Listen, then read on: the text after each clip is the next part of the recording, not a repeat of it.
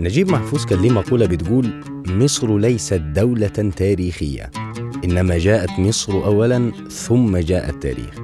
طيب كويس. التاريخ اللي جاء بعد مصر ما جات صنعوا ناس أو دخلوا ناس. السؤال بقى هي إيه أنواع الناس اللي دخلت تاريخ مصر أو صنعته؟ أي شخصية معروفة في تاريخ مصر علشان تبقى مشهورة فلازم صاحبها يكون نوع من أربع شخصيات. يا شخصية عدلة زي زعيم حاكم كويس أو شخصية عايزة الحرق والضرب بالنار خاين عميل أو شخصية خدمت القوى الناعمة لمصر بشكل أو بآخر فن ثقافة رياضة دين إلخ إلخ إلخ. التلاتة دول معروفين لكن فيه نوع رابع مكتوب له الخلود يمكن أكتر من الأنواع التلاتة اللي إحنا قلناهم. وسيرته بتفضل موجودة لحد ما القيامة تقوم. النوع ده مهما عمل في الناس من حاجات كويسة أو حاجات وحشة برضه الناس هتفضل بتردد اسمه حتى لو هي ما تعرفوش أصلا. النوع الرابع ده هو اللي بيدخلوا تاريخ مصر عن طريق بطون المصريين. عندك أم علي المنصور.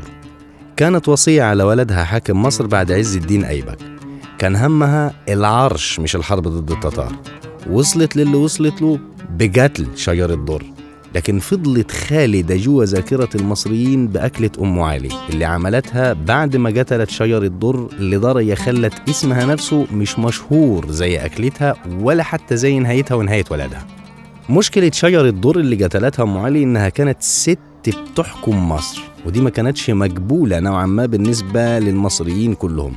بالظبط زيها زي داوود باشا عبد الرحمن الوالي العثماني لمصر سنة 1538 ولي عثماني محترم من الولاة العثمانيين القليلين اللي حبهم المصريين ليه أعمال خيرية كتير ما كانش بياخد ضرائب بهظة من المصريين. بنى جامع ولا زال موجود على اسمه في السيدة زينب. ومع ذلك كل اللي عمله ده اتنسى بالنسبة للمصريين وفضل بس من سيرته كفتة داوود باشا اللي عملها في الجلعة. زي ما الجلعة في عهد العثمانيين شافت حكايات كتيرة جدا من النوع دي برضه في عصر محمد علي حصل نفس الموضوع. يوسف أفندي مهندس زراعي استقر في مصر وكان عنده مشروع زراعي عاوز يخدم بيه على مشروع محمد علي بس كان مشكلته إنه ما كانش عارف يوصل لمحمد علي أو بالأحرى ما كانش عارف المدخل بتاع شخصية محمد علي علشان يقدم له فاكهة المندلة وصل للباشا فعرف المفتاح الرئيسي للباشا وهو إنه بيحب ابنه طصن لدرجة إنه حاليا في حالة من الحزن مأساوية. قدم الفاكهة للباشا وسأله هي الفاكهة دي اسمها إيه؟ فراح يوسف أفندي رد عليه وقال له طصن فالباشا طبعا تأثر وقال له خلاص أنا هسميها يوسف أفندي. وبقيت فيما بعد فاكهة اليوسفي أو اليوستفندي. فتخيل أنت الفاكهة دي يوم ما اتسمت الاسم ده اتسمت علشان خاطر صاحبها كان ضبال للحاكم. اللي فات ده كله كوم وحكاية وليمة عنبسة دي كوم تاني خالص. عنبسة ده كان حاكم مصر أيام العباسيين اسمه إسحاق بن شامر بن عيسى بن عنبسة. كان والي مصر من سنة 238 لحد 242 هجري. الغريب في عنبسة إنه ما كانش والي ولا مسحراتي في نفس ذات الوقت لأن الناس اتعودت إن الوالي بيصحي الناس علشان خاطر يصلوا الفجر أو يتسحروا في رمضان. وغرابته برضه ما كانتش إن هو كان راجل كويس رغم إنه منتمي لأسوأ طوائف المسلمين سوء سمعة وهي طائفة الخوارج. إنما كانت الغرابة المفتخرة في حياة عنبسة إنه سطر اسمه في باب أعجب سبب يخلي مصر تتهدد باحتلال.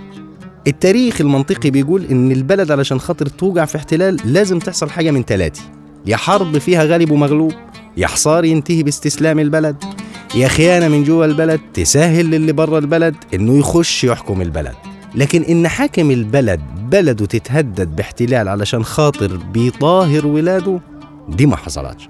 حفلة ظهور هددت البلد باحتلال وحكاها المؤرخ ابن تغري بردي في كتاب النجوم الزاهرة لملوك مصر والقاهرة. بتقول إيه؟ جاء عيد الضحية على مصر؟ عنبسة قرر إن هو يختن ولاده في اليوم بتاع الوقفة بحيث إن تاني يوم يكون صباح العيد الناس تفرح بالعيد وبيختن عياله. طبعا الحفلة دي هيدعي فيها كبار القادة بتوعه وكبار الجند. القادة بتوعه سابوا الصغور وراحوا على العاصمة كان اسمها مدينة العسكر علشان خاطر يحضروا الاحتفال. وليلة عيد بقى وكل سنة وانت طيب ومناسبة مفرحة والعيال بيجوا رجالة واللحمة للركب وخلينا ناكل. من بعيد خالص كان جواسيس الروم موجودين وعارفين باللي حاصل فبلغوا القادة العسكريين بتوعهم في البحر الحقوا يا جماعة عيد ومولد وصاحبه غايب. نزلوا دمياط يوم الوقفة وظبطوا نفسهم لحد ما اتأكدوا إن صغر دمياط ما فيهوش حد. ونزلوا دبحوا كل اللي فيها. وفي غضون ساعات وصل الخبر لعنبسة وكل الموجودين كانوا بياكلوا ويزقطوا وجت الرسالة ليهم. تعمل كرسي في الكلوب وتقال له يا تلحق دمياط يا ما تلحقهاش. ما عداش العيد إلا وكان الروم في ساعتين. برا البلد في هزيمة تعتبر هي الأقصر في تاريخهم. ودخل عنبسة التاريخ على أساس إنه أول مسحراتي والأهم من إنه أول مسحراتي ظهور ولاده كان هيوقع مصر في احتلال.